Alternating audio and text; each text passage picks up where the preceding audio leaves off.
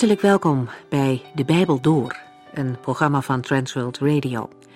De Bijbel Door is een radioserie die u in vijf jaar meeneemt door de hele Bijbel. Van Genesis 1 tot Openbaring 22.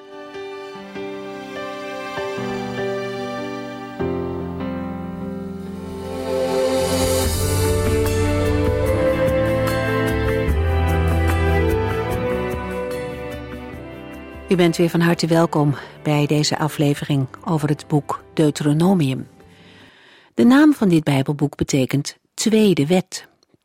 Maar het is meer dan een herhaling van de wet. In Exodus en Leviticus wordt de wet beetje bij beetje bekendgemaakt. En in dit boek wordt het als één geheel gepresenteerd.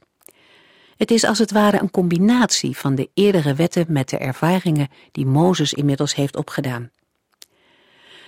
De wetten zijn al gericht op het leven in het beloofde land. En dit boek zou je ook kunnen zien als een soort geestelijk testament van Mozes. Hij is de schrijver, al zijn enkele opmerkingen later toegevoegd, wellicht door Jozua. In Deuteronomium staan acht toespraken van Mozes, waaronder aan het eind ook zijn afscheidsrede als leider van het volk. In de eerste hoofdstukken geeft Mozes een terugblik op de voorbije jaren. Het is goed om terug te kijken naar de trouwe zorg en leiding van de Heere. Dat geeft ook vertrouwen voor de toekomst. Toen voor Israël, maar nu net zo goed voor ons. In hoofdstuk 4 zegt Mozes, welk ander volk heeft een God die zo nabij is? En zo is het ook. Er is geen God zo dichtbij en zo persoonlijk betrokken als onze God. Na de terugblik volgen de tien geboden en een uitwerking van de wet. Als Mozes daarmee klaar is, houdt hij het volk de zegen en de vloek voor. De keuze is aan hen. Aan het slot van Deuteronomium wordt het einde van het leven van Mozes beschreven. Maar laten we vandaag eerst bij het begin verder gaan. Hoofdstuk 1, vanaf vers 36.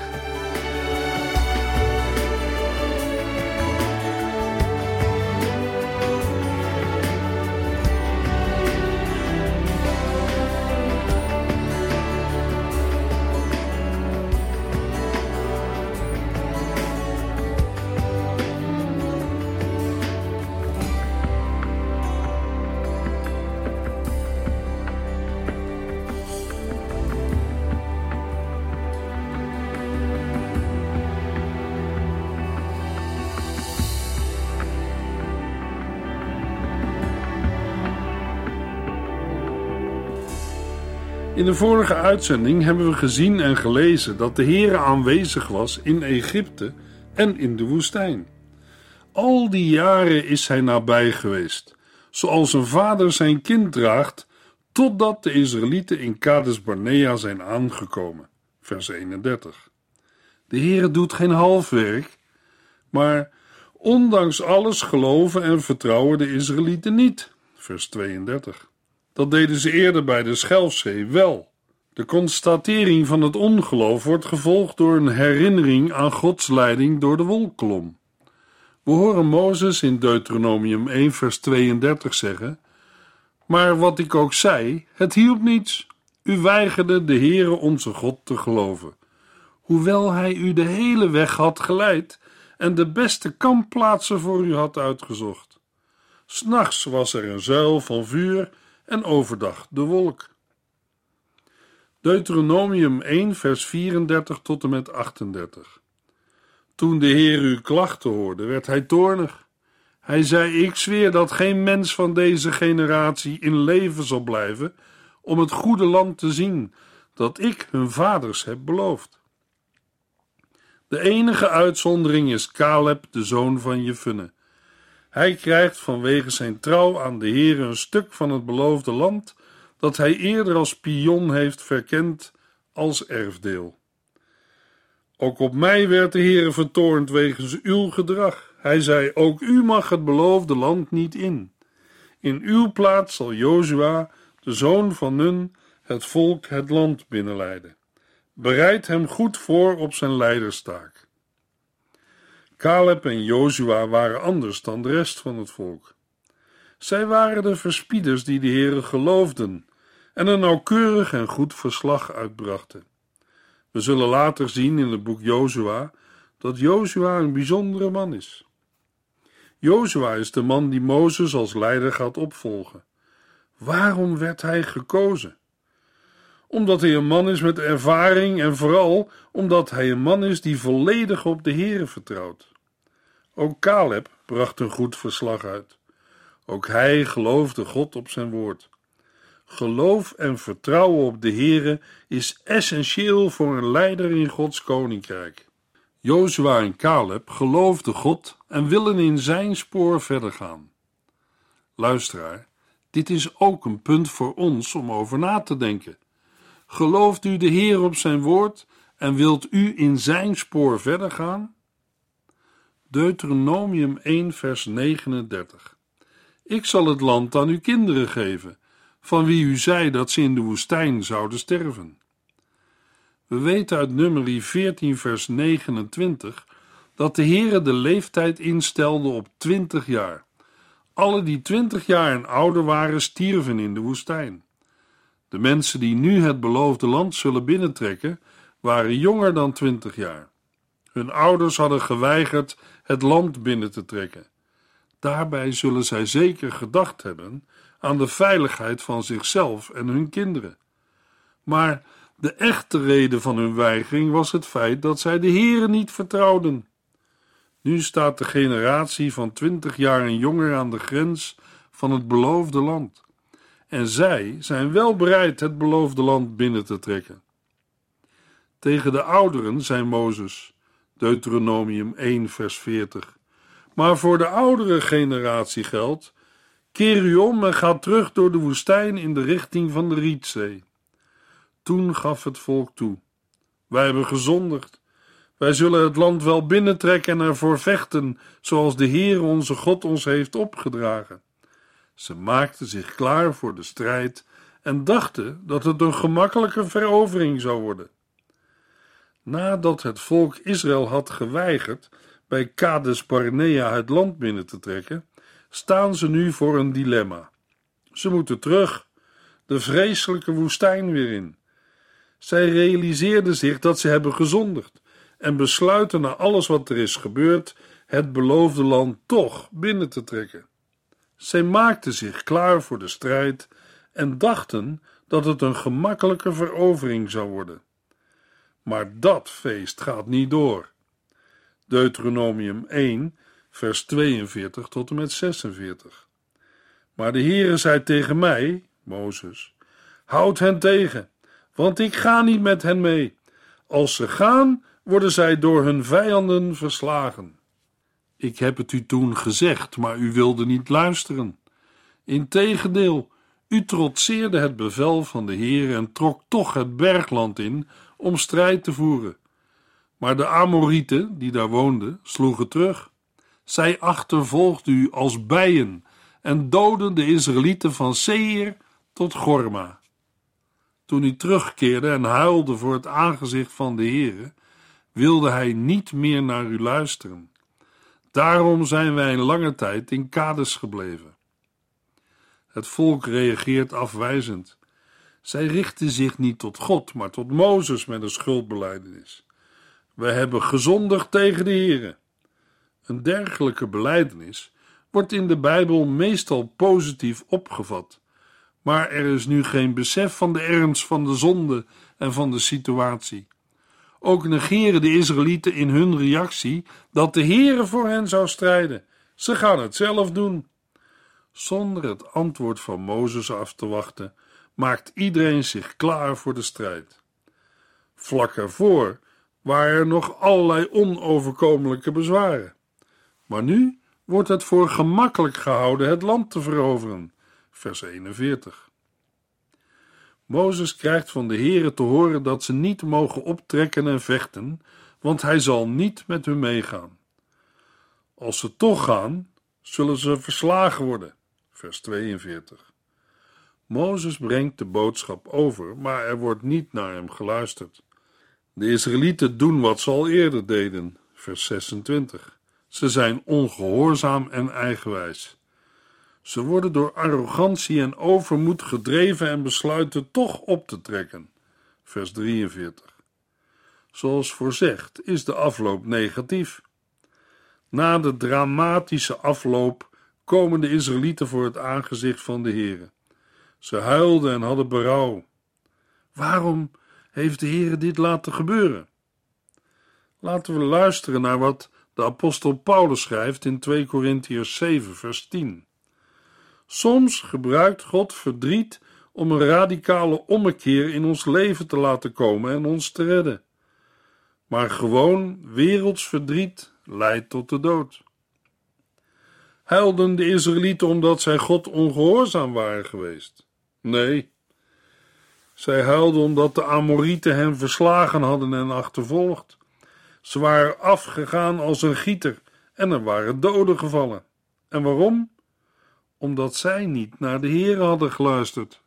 Weet u, luisteraar, wanneer een misdadiger wordt gepakt en zich realiseert wat er is gebeurd, komen er vaak tranen. Maar welk soort tranen zijn dat? Huilt hij omdat hij een misdadiger is? Ik hoop het. Maar er is een grote kans dat hij huilt omdat hij is gearresteerd. Zal zijn arrestatie leiden tot een verandering van zijn leven? In het vervolg laten de Israëlieten zien dat er bij hen niet veel is veranderd. Zij moeten de gevolgen van hun ongehoorzaamheid dragen. Zij moeten een lange tijd in Kades blijven. En daarna? Keer u om en ga terug door de woestijn in de richting van de Rietzee. Mozes gaat verder met zijn terugblik op de omzwervingen van het volk Israël. Deuteronomium 2, vers 1 en 2.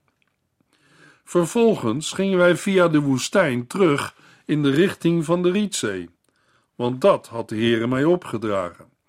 Wij zwierven een lange tijd rond in de omgeving van de berg Seir.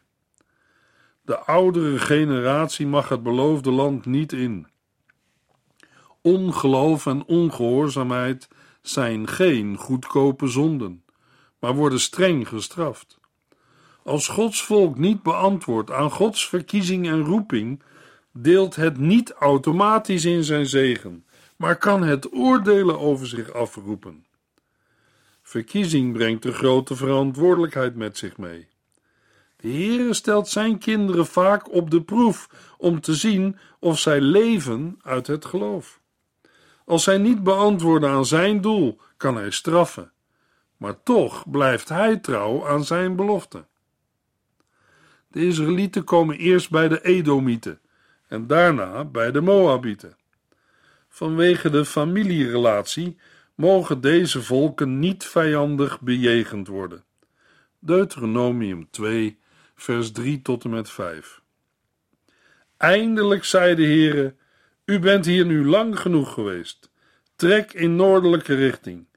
Breng het volk ervan op de hoogte dat het door het land zal trekken dat aan zijn broeders, de Edomieten, de afstammelingen van Esau, die in Seir wonen, behoort.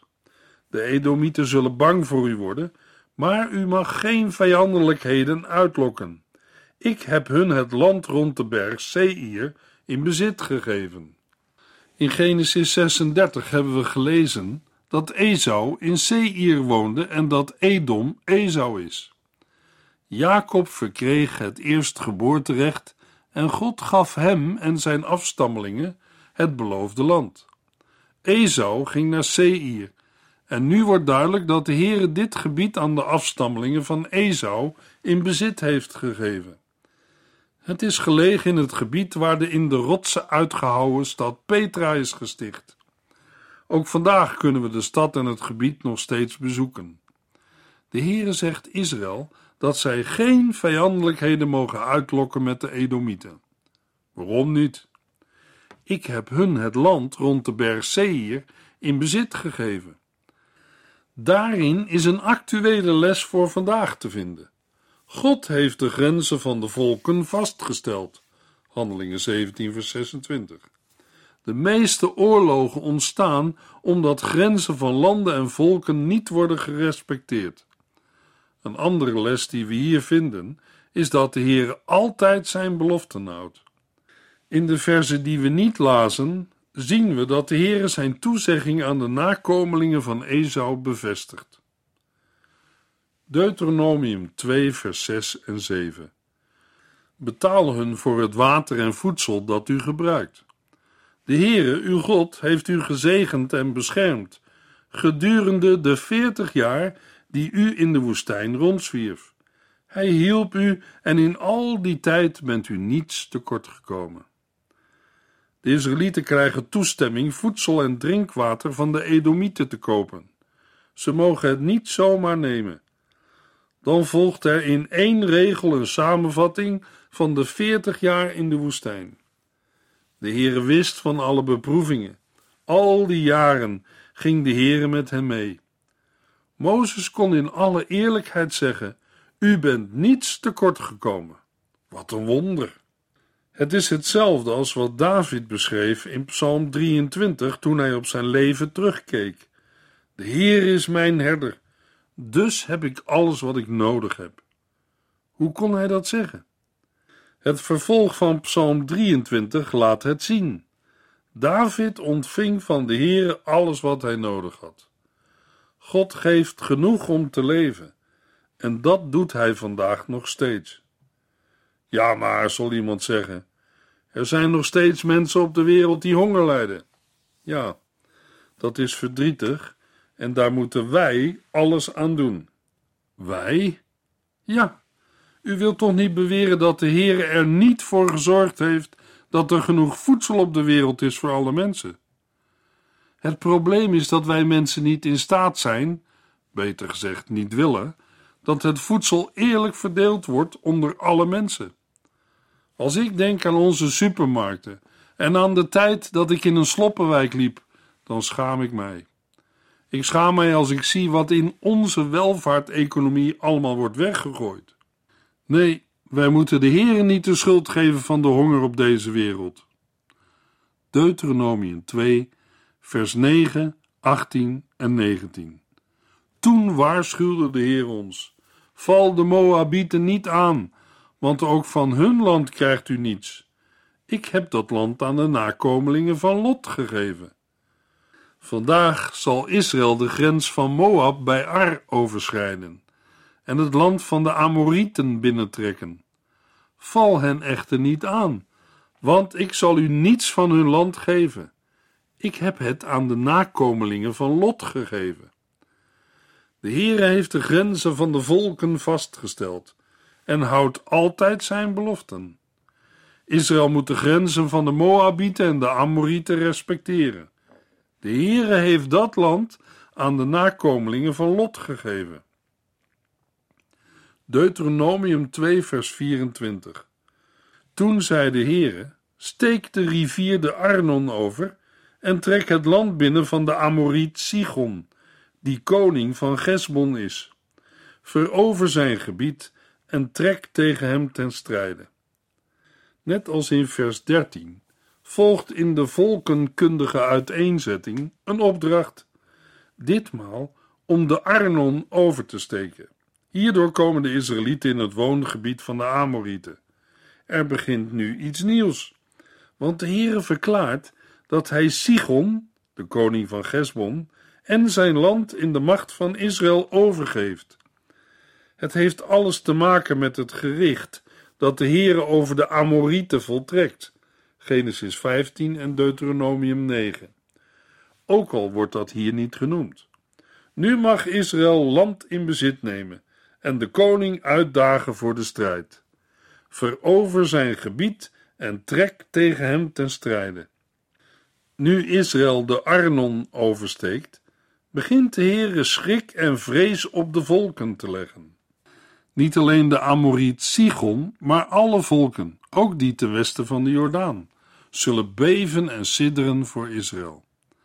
Daarmee wordt duidelijk gemaakt dat de volken van schrik verlamd zullen zijn en overwonnen kunnen worden, omdat de Heere, de God van Israël, aan de strijd deelneemt. Israël trekt om de gebieden van Moab en Ammon heen en mag hun land niet in bezit nemen. In de volgende versen vertelt Mozes over de voorstellen die hij heeft gedaan aan koning Sigon. Deuteronomium 2, vers 26 tot en met 29. Vanuit de woestijn Kermedot stuurde ik boodschappers met een vreedzaam voorstel naar koning Sigon van Gesbon. Laat ons door uw land trekken, zeiden wij. Wij zullen op de hoofdweg blijven en de velden aan weerszijden van de weg niet betreden. Wij zullen alles betalen wat wij eten en drinken. Het enige dat wij willen is dat u ons door uw land laat trekken. De Edomieten in Seir en de Moabieten, die Ar als hoofdstad hebben, gaven ons ook toestemming door hun gebied te trekken. Wij zijn op weg naar het land aan de overkant van de Jordaan. Dat land heeft de Heere, onze God, ons gegeven. In plaats van Israël toestemming te geven door zijn land te trekken, trok Sigon met gewapende troepen tegen hen uit. Deuteronomium 2, vers 30 tot en met 32. Maar koning Sigon weigerde, omdat de Heer hem koppig maakte, zodat hij Sigon aan Israël kon uitleveren. Dat is ook gebeurd. Toen zei de Heer tegen mij: Ik ben begonnen u het land van koning Sigon te geven. Neem het in bezit. Koning Sigon verklaarde ons toen de oorlog en trok zijn troepen samen bij Jahas. Maar de Heere voorkwam dat zijn volk werd vernietigd. We lezen in vers 33: Maar de Heere onze God leverde hem aan ons uit. Wij veroverden alle steden en lieten niemand in leven, ook de vrouwen en de kinderen niet. Vaak wordt later in de tijd naar deze geschiedenis verwezen, om het volk Israël eraan te herinneren wat God voor hen had gedaan. Daarmee was deze gebeurtenis een bemoediging om het volk te laten zien dat de Heere met hen was en dat hij zich aan zijn belofte houdt. Luisteraar, ook al begrijpen wij de Heer in zijn handelen niet altijd, hij is ook vandaag met zijn volk en met zijn kinderen. Soms laat hij toe dat wij in moeilijke omstandigheden komen. Vaak brengen wij onszelf in moeilijke omstandigheden. Toch wil de Heer juist in moeilijke omstandigheden ons helpen om standvastig te blijven en op Hem te vertrouwen. Mogelijk om ons voor te bereiden op een bijzondere taak of om anderen te helpen op hun weg door het leven. Deuteronomium 3, vers 1 en 2. Daarna trokken wij in de richting van het land Bazan, waar Och koning was. Hij rukte op met zijn hele leger en raakte slaags met ons bij Edrei. Maar de Heere zei mij dat wij niet bang voor hem hoefden te zijn. Zijn hele volk en al zijn land geef ik u, zei de Heere mij. U moet met hem hetzelfde doen als met koning Sigon van de Amorieten bij Gesbon. De Heere laat de volken voelen dat hij de enige is waarmee rekening moet worden gehouden. Angst en beven valt over de steden van koning Och. Deuteronomium 3 vers 3 tot en met 5 De Heere hielp ons in de strijd tegen koning Och en zijn volk, en wij doden hen allen. Wij veroverden al zijn zestig steden, de hele streek van Argob in het koninkrijk van Och in Bazan. Het waren zestig sterke steden met hoge muren en stevige poorten, plus nog veel onversterkte steden. Het feit dat Israël, met de hulp van de Heere, in staat was dit grote en goed versterkte koninkrijk te overwinnen, was het bewijs dat het een strijd van God was. Voor Israël was het een enorme bemoediging. Ze moesten vechten tegen versterkte steden met hoge muren en reuzen. Hoe ik dit laatste weet? Let eens op de afmetingen van het bed van koning Och. Want koning Och van Bazan was de laatste van de Refaïten. Zijn bed, dat wordt bewaard in Rabba, een Ammonitische stad, was van ijzer en was ruim vier meter lang en bijna twee meter breed. Deuteronomium 3 vers 11.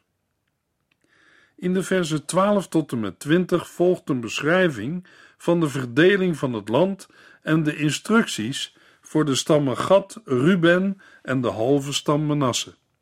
Zij mogen zich pas in hun gebied vestigen nadat de Heere ook de andere stammen heeft laten overwinnen. Wanneer zij het land dat de Heere, uw God, hun aan de overkant van de Jordaan heeft gegeven, hebben veroverd, mag u teruggaan naar uw eigen land hier.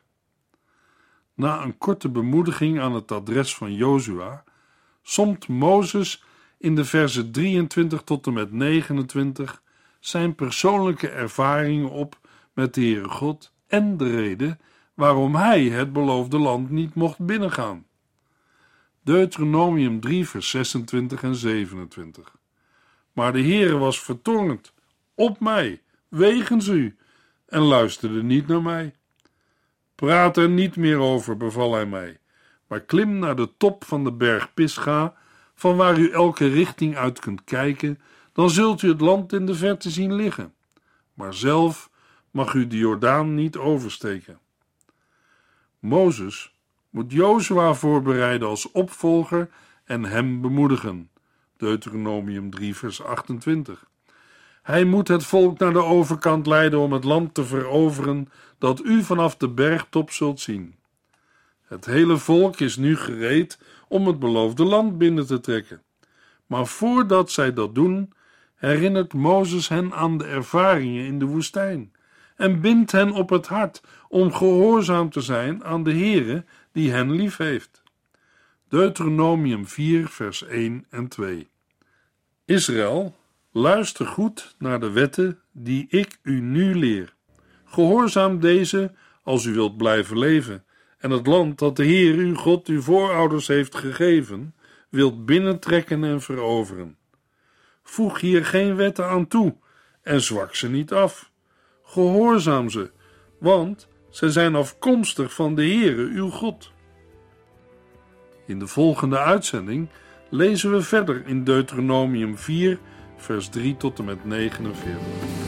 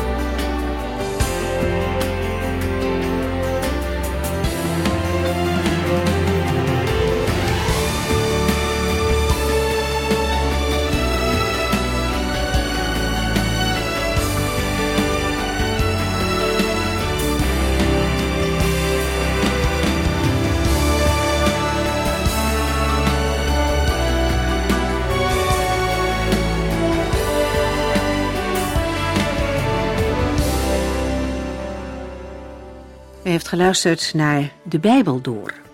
In het Nederlands vertaald en bewerkt door Transworld Radio. Een programma waarin we in vijf jaar tijd de hele Bijbel doorgaan. Als u wilt reageren op deze uitzending of u heeft vragen, dan kunt u contact met ons opnemen. Tijdens kantooruren kunt u bellen op 0342 47 8432. 0342 47 8432. 32. Ook kunt u een e-mail sturen naar de Bijbel door transworldradio.nl en natuurlijk kunt u ook via de post ons bereiken. TWR, postbus 371, postcode 3770, AJ in Barneveld. Dit programma werd gepresenteerd door Cor Weda en Ike André. Techniek was in handen van Odin van Woerdekom. En wij allemaal bedanken u voor het luisteren. Graag tot de volgende keer.